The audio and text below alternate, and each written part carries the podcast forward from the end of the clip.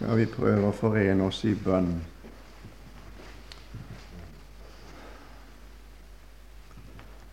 Gode Far og Frelser i himmelen, vi vil takke deg for det vi allerede har blitt minnet om under dette bibelkurs. Og Herre, vi vil takke deg for vi fikk lov en dag å møte deg ved Golgata, og fikk møte en forsona Gud som hadde gjort opp vårt skyldbrev og betalt vår gjeld før vi var kommet. Herre, så fikk vi ta imot evangeliet om syndernes forlatelse, og så ble vi velsigna. Så takker vi deg, Herre, for vi får lov å ha levd i samfunn med deg i kortere eller lengre tid. Og nå, Herre Jesus, skal vi tale om noen ting som vi er satt inn i fordi vi fikk møte deg ved Golgata. Så vil vi be om lys over dette ordet også, Herre, og nåde til å bære det fram. Velsign den enkelte som er kommet hit, og som lytter til i denne stund. La det bli til ære for ditt hellige navn. Amen. Det vi skal prøve å si litt om i disse bibeltimer som jeg skal ha, har jeg kalt for menigheten Kristi legeme. I programmet står det 'ditt truende Kristi lekam'. Jeg setter menigheten med vilje, for det er bibelsk uttrykk. Menigheten Kristi legeme. Og det er et veldig stort emne som jeg må gjerne si at det er både gledelig, gildt å tale om det, men på samme tid så er det jo så stort og omfavnende at jeg blir ikke ferdig med det på noen få timer. Jeg vil gjerne lese i dag ifra, som innledning til bibeltimen ifra Kolossenserbrevet, det første kapittel. Og jeg vil da lese for sammenhengens skyld fra vers 21 til og med vers 24. Kolossenserbrevet 1, 21-24 i Jesu navn. Også eder som fordum var fremmede og fiender ved deres sinnelag i, i de vonde gjerninger. Eder har han nå forlikt i hans jordiske legeme ved døden, for å fremstille eder hellige og ulastelige og ustraffelige for sitt åsyn, så sant de blir ved i troen, grunnfestet og faste, og ikke lar det rokke fra de håp evangeliet gir, det som jeg har hørt, som blitt forkynt for enhver skapning under himmelen, og som jeg, Paulus, er blitt tjener for. Nå gleder jeg meg over mine lidelser for eder, og utfyller i mitt kjød det som ennu fattes i Kristi trengsler, for Hans legeme, som er menigheten. Amen. Her tales det klart og tydelig om at menigheten er Jesu Kristi legeme. Og Nå leste vi framme for her eh, om hans jordiske legeme som vi ble forlikt med Gud ved. Det legeme som Kristus hadde når han var her nede på jord. Det legeme som vi hørte om som ble slakta. Det legeme som Gud møtte oss i når Han frelste oss på Golgata. Men her tales det om Jesu jordiske legeme i dag. Og vi vet det at Jesus ikke har, er iblant oss og går iblant oss i et legeme slik som han gjorde det når han var her nede på jord. Men allikevel har Kristus et legeme i denne verden, og det er menigheten. Han sitter i et menneskelegeme i himmelen. For det står nemlig, det er klart også, et herliggjort legeme. For det står det at Paulus sier det, at Eh, vi har én Gud og en mellommann mellom Gud og mennesket. Mennesket Kristus Jesus. Så Det skal ikke jeg komme inn på. Det er Arnold Bjerkem sin eh, tale her i denne bibelserien. Men eh, Bibelen forkynner at Kristus har et jordisk legeme i dag, og dette legemet er hans menighet. Og Det første jeg da vil si litt om i dag, det er dette hva, eller hvem er menigheten? Her har jo vært en veldig diskusjon om det, og uenighet om hvem som er menigheten, og hvor menigheten er. Og Da vil jeg gjerne si det for det første at menigheten i Bibels betydning av ordet er ikke en geografisk institusjon. Det har ingenting med menneskelige, geografiske grenser å gjøre. Så når vi skal snakke om menigheten, så kan ikke vi snakke om at det er en menighet fordi det er et kirkesamfunn og er bygd ei kirke. I nynorsk oversettelse av ordet heter det jo kirka, eller kirkelyden. Og Jeg er overbevist om at mange tenker når de tenker på kirka, kirkelyden, så tenker de på en geografisk menighet. En kirke, en statskirke, eller en frikirke, eller en annen forbindelse. Jeg vil gjerne si det her i dag at uh, menigheten det er ikke for uh, i det første noe geografisk, uh, forsamlingsmessig menighet. Det er det ikke. Det skal sannelig også være med å understreke. Men at menigheten finnes i ei kirke, og at menigheten er i en forsamling, og at menigheten er der hvor Guds ord blir forkynt, ja, det, det er en annen sak. Men det er ikke, og kan ikke være, det som Bibelen kaller for Jesu Kristi menighet. For det er ikke troende mennesker alt som samles der. Og det er bare troende mennesker. og Derfor er det sant det som det står i programmet her, de troende Kristi legeme. Menigheten det er ikke er geografisk. Men eh, menigheten er videre eh, Kan jeg understreke det her de som hører Kristus til. Og menigheten er ikke noen andre enn de som hører Kristus til tilhører Kristus. Og alle disse som tilhører Kristus, er i Bibelen kalt for menigheten og er hans legeme, jordiske legeme i dag. Og Derfor kan eh, Jesus i Matteus 16, 18 Det er jo første gangen at Jesus bruker dette uttrykket 'min menighet'. Jeg kan ikke finne noen annen plasser i Det nye testamentet når det tales om menigheten i evangeliene, så tales det om Israels menighet. Israels folk, Israels menighet.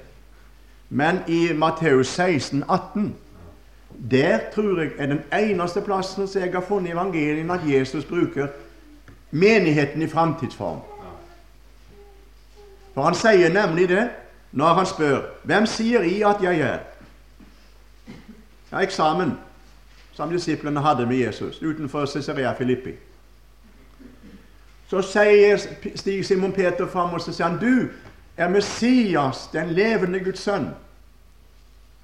Da står det det at da sa Jesus, 'Salige du, Simon Jonas' sønn, for kjøtt og blod har ikke åpenbart deg det.' Men min Fader i himmelen, og jeg sier deg, på deg vil jeg bygge min menighet. Og det er ikke på Simon Peter som person, men på den bekjennelse som Simon Peter ber fram, et salig kjennskap til Kristus.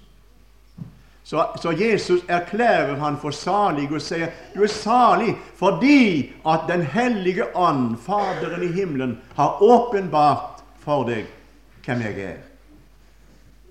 Messias, den levende Guds sønn. På deg vil jeg bygge min menighet. På den bekjennelsen at Kristus er Guds levende sønn, Messias, Guds sønn. Og Derfor kan uttrykkes, brukes i Bibelen flere plasser dette uttrykket 'de som hører Kristus til'. Jeg synes det er noe av det fineste som kan brukes om, om oss mennesker. De som hører Kristus til. Galaterbrevet 5,24, der står det f.eks. dette. Men de som hører Kristus til, har korsfestet kjødet med dets lyster osv. I 1. Korinter 3, 21-23 brukes også dette uttrykket. Derfor roser ingen seg av mennesker, for alt hører eder til. Enten det er Paulus eller Apollos eller Kefas, enten det er verden eller liv eller død, enten det er det som nå er eller det som komme skal, alt hører eder til. Men I hører Kristus til, og Kristus hører Gud til. Det er Noe større kan ikke sies om et menneske her på jorden at det hører Kristus til. Ja, det er det største. Og eh, hvilken lykke synger sangene når de tilhører. Takk, takk at også jeg fikk være med. Jeg med alt hva jeg er og har, hører deg kun til. Syng en annen sang. Ja, det finnes ikke noe større på denne jord, kjære forsamling, enn å høre Jesus til. Å høre Jesus til i en slik sammenheng som vi skal prøve å tale med en annen om i dag og dagene. Altså menigheten i bibelsk betydning av ordet er de som hører Kristus til. Ingen annen. Ingen annen. Og for det tredje vil jeg understreke også det at menigheten er de som hører Kristus til, fordi han har vunnet dem ved sitt blod. Det står skrevet også. Apostelgjerningene 2028, der taler apostelen Og det vil jeg gjerne understreke. Det er et vidunderlig fint uttrykk som brukes her. Menigheten er de som han vant seg ved sitt blod. Og Dette skal vi understreke, og det hører jo i, i forbindelse med det vi allerede har lytta til i dag. Det er jo Paulus som har sin avskjeds, avskjed med, med, med sine venner her, menigheten der i Efesus. Og Jeg synes det er veldig når han taler her der ved Milet, og de eldste, menighetens eldste kommer ut til ham. Og så holder han denne talen for dem. At han holdt ikke noe tilbake, men forkynte det hele Guds råd. Og så sier han i vers 28.: Så gi da akt på eder selv, på hele den jord som Den hellige ånd satte eder til tilsynsmenn i, for å vokte Guds menighet, som han vant seg i sitt blod. Altså Det er jo klart og tydelig at disse mennesker som tilhører Kristus, og som er med, hører menigheten til, og er menigheten i Bibels betydning, har fått bruk for det som, som Bjerkheim har talt om i dag. Det er blodet. Han har vunnet oss ved sitt blod. Og det betyr ikke bare at han har kjøpt oss med sitt blod en gang, men det betyr at vi er kommet inn under blodet, slik at vi er blitt rensa ved dette blod og blitt vunnet av Kristus, for Kristus, gjennom forsoningens blod. Derfor vil jeg gjerne si det når en kan være så interessert en være vil i kristelige ting og i kristelige saker, men har en ikke fått Ja, kan jeg få lov å bruke det uttrykket har en ikke fått bruk for blodet, så er en utenom. Det som særmerker og særpreger en sann kristen, det er det som Fredrik Wisløff synger sin sang. Jeg var fortapt og så ingen vei. Da så jeg blodet. Da ingen makt kunne frelse meg, da frelste blodet. Altså, Gud være lovet, min sjel er frelst, i kraft av blodet. Altså, Kristus har vunnet oss ikke bare på Golgata kjøpt oss med sitt blod og gjenløst oss med sitt blod, men han har vunnet oss for seg. Vi er kommet i samfunn med Han på blodets grunn. Derfor kan vi synge 'Jeg er din, o Jesus, ene din, kjøpt til din å være, helt og holdent din'. Han vant oss ved sitt blod. Og jeg er veldig glad fordi at den dagen kom i mitt liv, eller den tiden kom i mitt liv. er så sant. Jeg er så enig med det som jeg har sagt i forrige time. Det er visst ingen av oss som kan, eller mange av oss som kan, ikke kan konstatere og si da kom vi over grensen. Da kom vi over. Vi vet bare én ting, og det er det at jeg var blind, men nå ser jeg. Jeg kan ikke si at den timen og den dagen skjedde det, men jeg kan si i dag ser jeg. I dag ser jeg. Jeg ikke så før. Og det herligste for meg det var når det at det gikk opp for meg blodets betydning. Kristi blods grenseløse, sterke, veldige betydning. Tenk, han vant meg, vant seg en brud, en menighet, ved sitt blod. Hver enkelt som er komme inn under blodets kraft, får høre han til. Og For det videre vil jeg nevne, for det fjerde her, menigheten. Det er da, Dette er jo samme rekkefølge. Det er de som har tatt imot hans kall. Tatt imot hans kall.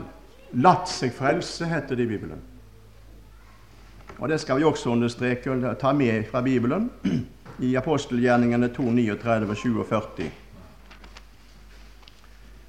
Det er jo klart og tydelig. Jeg behøver ikke nevnt alt dette her, men allikevel, jeg tror det er viktig at vi tar det med, så vi forstår hva menigheten er for noen, og hvem som tilhører denne menighet, som er Jesu Kristi legeme.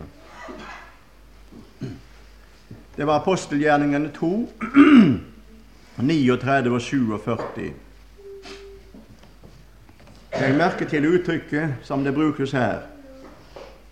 For løftet, og løftet i dette tilfellet ikke løftene, men løftet, det betyr Kristus.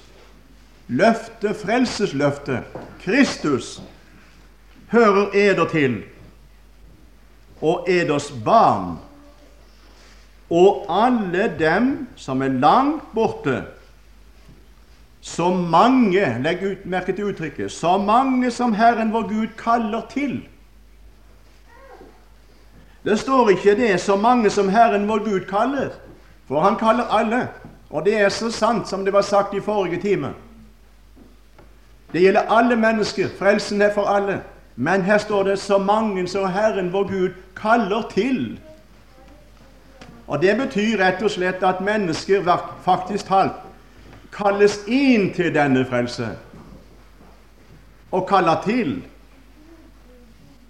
blitt kalt inn og tar imot og lar seg frelse. Så står det da i det 47. vers Der lyder det slik vers, En siste del av det 47. vers. Og Herren la hver dag dem som lot seg frelse, til menigheten. Altså den som tok imot kallet og ble kalt til. Disse lot seg frelse, og Herren la deg hva Ja, faktisk da står det hver dag. I den første tid så skjedde det. La de hver dag til menigheten dem som lot seg frelse. Og Dette må vi understreke for hverandre at uten at en lar seg frelse og vil bli frelst, så er det iallfall ikke noen som kan legges til Guds sanne, levende menighet på jord. Det er betingelsen, det. 1. Korinter 1.2. 1. Korinter 1.2. Jeg syns det er så fint når det står her Paulus skriver til menighetene, eller menigheten, den geografiske menighet, kan vi si det slik, de kristne troende i Korint. Og så sier han, begynner han slik Til den Guds menighet som er i Korint, hellige de Kristus Jesus, kalte, hellige, til like med alle dem som på ethvert sted påkaller vår Herre Jesu Kristi navn, deres og vår. Kalte, hellige. Og så kommer vi til det siste punktet under dette første jeg vil understreke i dag. Og det er dette som kanskje er selve saken som vi skal stanse litt ved under disse bibeltimene. Det er nemlig at menigheten, det er de som han har satt sitt innseil på. Menigheten er de som Kristus har satt sitt innseil på, eller for å si det med Guds ord klart og tydelig de som har fått Kristi ånd. Og Dette vil vi understreke med det som står i 2. Korinterbrev 1, 21, 22. 2. Korinterbrev 1, 21, 22. Og Her tror jeg det at vi, vi kommer til å komme inn på ting som kanskje er på tvers av mange sitt syn i våre dager. Jeg er redd for det. For her tales det nemlig om Den hellige ånds iboende og innseil som vi får når vi kommer til troen. Jeg vil gjerne understreke litt av det også i denne forbindelse. Først i 2. Korinterbrev 1, 21, 22. Men den som binder oss til like med eder, fast til Kristus Jeg synes det står så fint det står 'Han binder oss fast til Kristus'. Det er Gud. Og som salvet oss, det er Gud. Han som òg satte sitt innseil på oss og gav oss Ånden til pant i våre hjerter. Et innseil, det er et stempel. Et innseil er noe som en stempler med. Og når en krist, et menneske lar seg frelse, tar imot blodet, for å si det ut ifra det vi har talt om, og lar seg frelse og lar Herren få kalle til og gi seg over til Kristus, setter Gud sitt innseil på det mennesket. Kristus sitt innseil. Fordi han gir oss sin ånd som innseil og som pant på at vi hører han til. Og Det er det samme som Paulus skriver om i Efeserbrevet kapittel 1. Og vil også understreke det.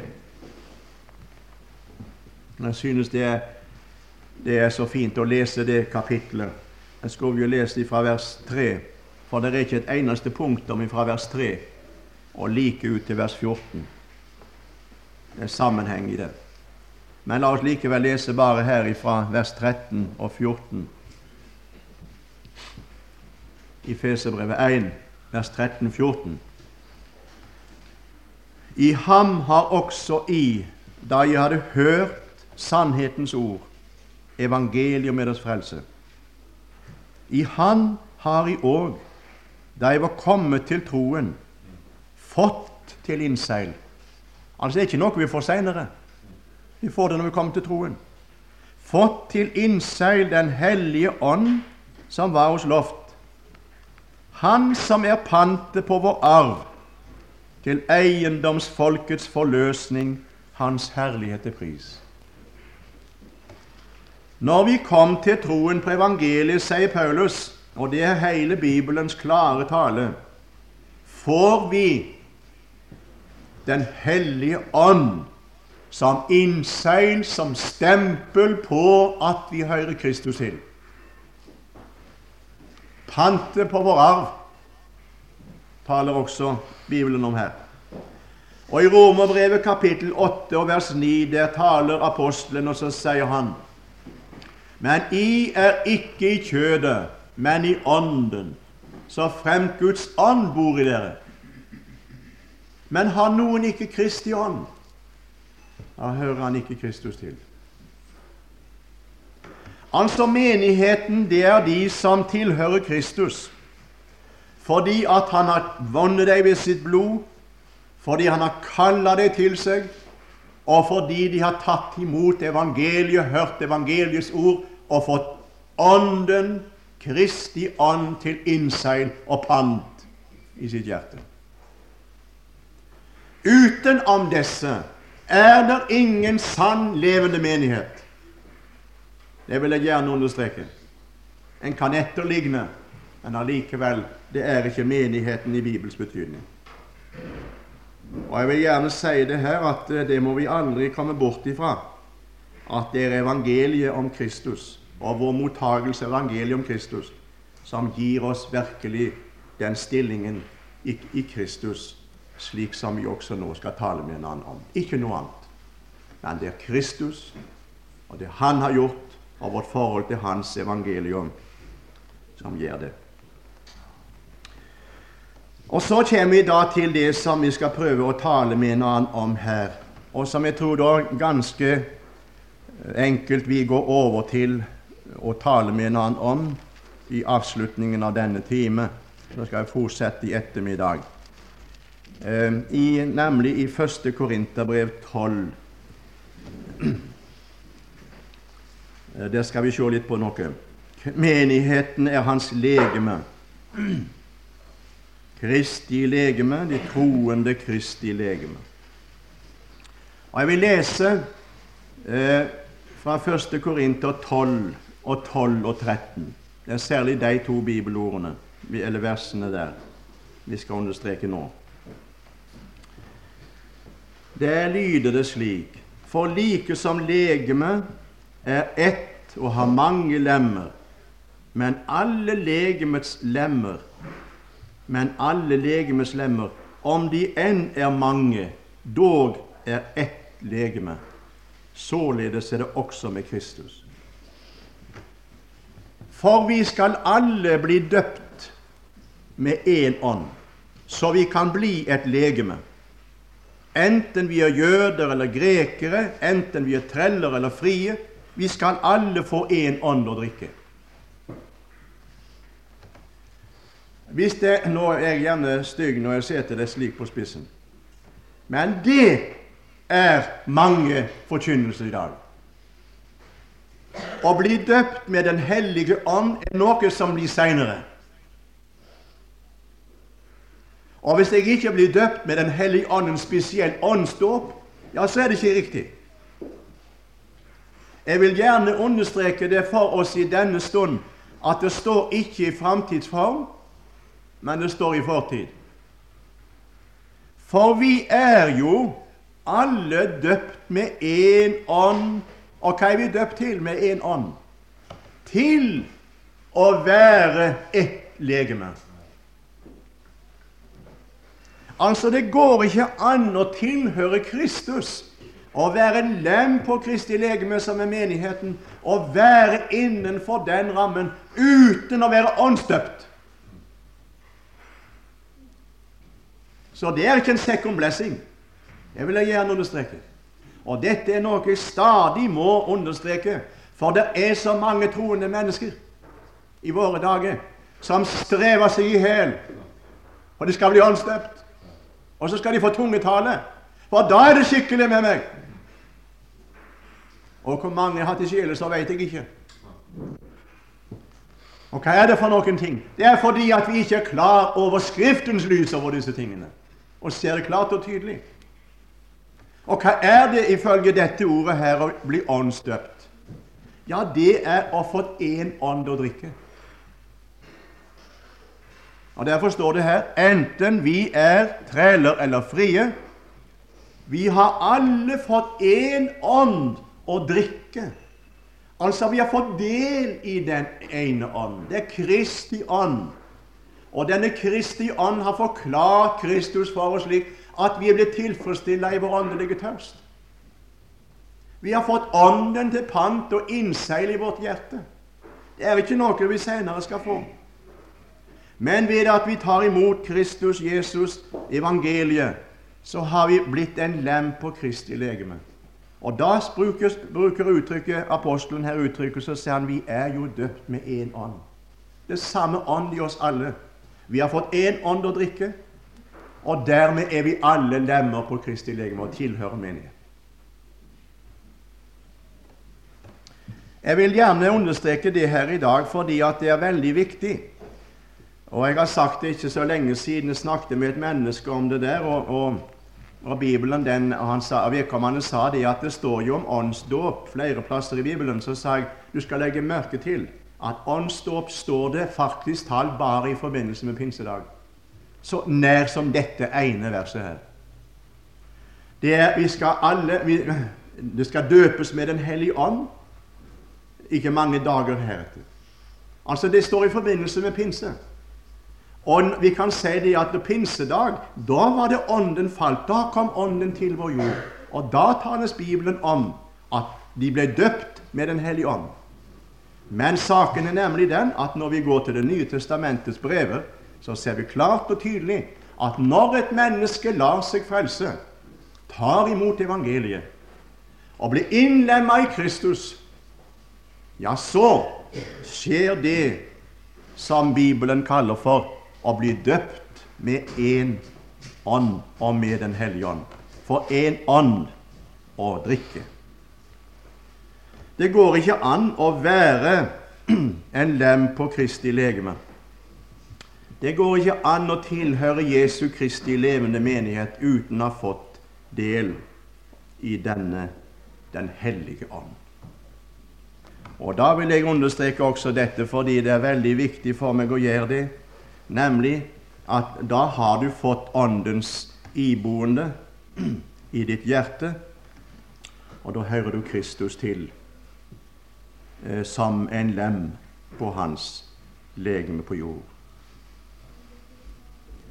Og Går vi til Romerbrevet kapittel 12 og 3-5, kan vi se det også.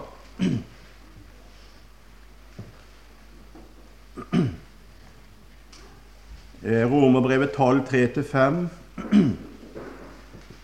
For ved den nåde som er meg gitt, sier jeg til enhver iblant dere at han ikke skal tenke høyere enn han bør tenke, men tenke så at han tenker sindig, alt etter som Gud har tilmålt enhver hans mål av tro.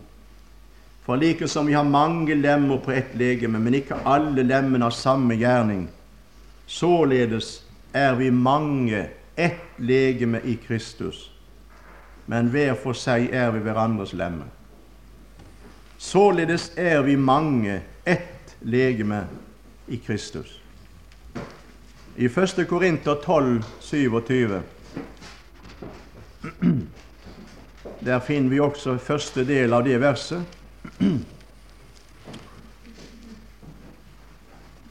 Ja, vi kan lese hele verset. Men nå er i Kristi legeme og hans lemmer hver etter sin del. Nå er vi Kristi legeme og hans lemmer. Det skal vi være under dette liv på jord. Efeserbrevet kapittel 4 og vers 4 skal vi ta og lese noen av disse bibelordene før vi går videre neste time? Bare for å understreke det. Efeserbrevet 4.4. Ett legeme og én ånd. Likesom jeg òg er kalt med ett håp i eders kall. Ett legeme og én ånd. Efeserbrevet 1.23. Der står det om menigheten i vers 22, som er hans legeme, fylt av Han som fyller alt i alle. Altså, her er ingen, her er ingen forskjell. Fylt av Han som fyller alt i alle. Altså, alle har like mye av Kristus, men ikke alle lemmer på legemet har samme funksjon. Men vi tilhører Kristus fylt av Han som fyller alt i alle. Og Kolossenserbrevet 3, 11 og 15.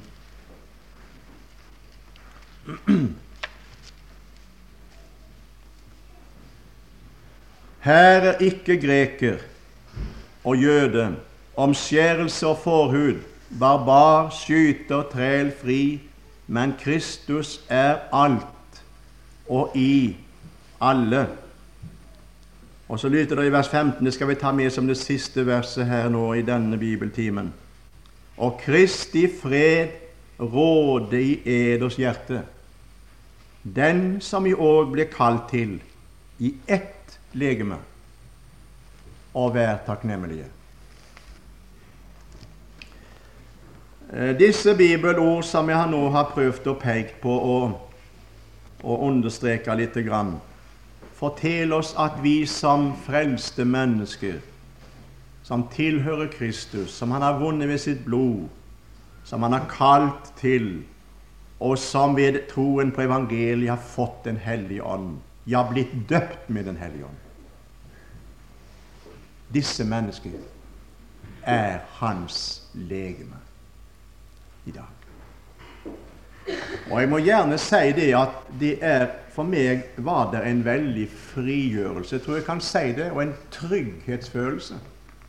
Og en glede når det gikk opp for meg. Tenk at i, i mitt forhold til Kristus og mitt samfunn med Kristus er av en så vidunderlig art. Som et legeme. Lemmer. Og for en vidunderlig sammenheng. Kristus er hodet for legemet, og han er sitt legemes frelse, skriver Paulus i Efeserbrevet 5. Altså, Jeg synes dette er et av de fineste bildene som Bibelen bruker om forholdet Kristus og den enkelte troende. Og Derfor var det, som jeg allerede har nevnt, som en frigjørelse for meg, en glede for meg, når det gikk opp for meg dette. Jeg får lov å leve det i dag også Tenk jeg skal få være en lem på Kristi legeme, som en lem er på mitt legeme. Det tilhører jo meg, alle lemmene. Å ha omsorg for alle, kjærlighet til alle, like nær alle, like uunnværlig alle, osv. Det er dette jeg gjerne skal prøve å si litt om i disse bibeltimene. Du som er en kristen, du som har tatt imot Jesus, evangeliet, og latt deg frelse komme inn under blodets rensende kraft. Tenk du skal få være i en slik sammenheng til Kristus som et hode og legeme. Kristi lem, Kristi legeme, der Han har omsorg for og vil frelse og vil bevare og vil berge for himmelen. La det være nok med dette nå. Jeg vil gjerne bare få si det at la oss være i bønn om at også det vi skal prøve å si litt om ut ifra disse sannheter, kunne bli oss til nytte og gang i vårt liv videre. Herre Jesus, nå må du gjøre det slik at det kunne bli stort for oss som er dine her, at vi får være et lem og få tilhøre ditt legeme på jord, som du vil frelse inn i din himmel en dag. Takk, Jesus, fordi du, du tenker på hver enkelt lem, og du har, Jesus, alt å gi den enkelte. Og Jeg vil prise deg, Jesus, for jeg får lov å være blant disse i dag som tilhører deg. Herre, vil du la Din Hellige Ånd få kaste lys over dette for oss, at vi får se oss slik i forholdet til deg, som lemmer og legeme tilhørende deg, du som er hodet, og som sitter i himmelen. Og Jesus, også vil vi be om at vi må få se oss som lemmer for hverandre, slik at vi kunne få hjelpe hverandre framover, og hjelpe hverandre i sjelesorg og samtale og vitne for hverandre, og trøste hverandre og oppmuntre hverandre. Herre, velsigne oss. La Din Hellige Ånd få være over bibelkurset, og la den bli stort for oss og tilhøre deg og la evangeliet, la du bli stor for oss gjennom evangeliet, så vi kan få reise rikere ifra Lyngmo enn vi kom. Herre, det kan jo skje når du åpner Skriftene for oss. Herre, velsign dagen videre. Amen.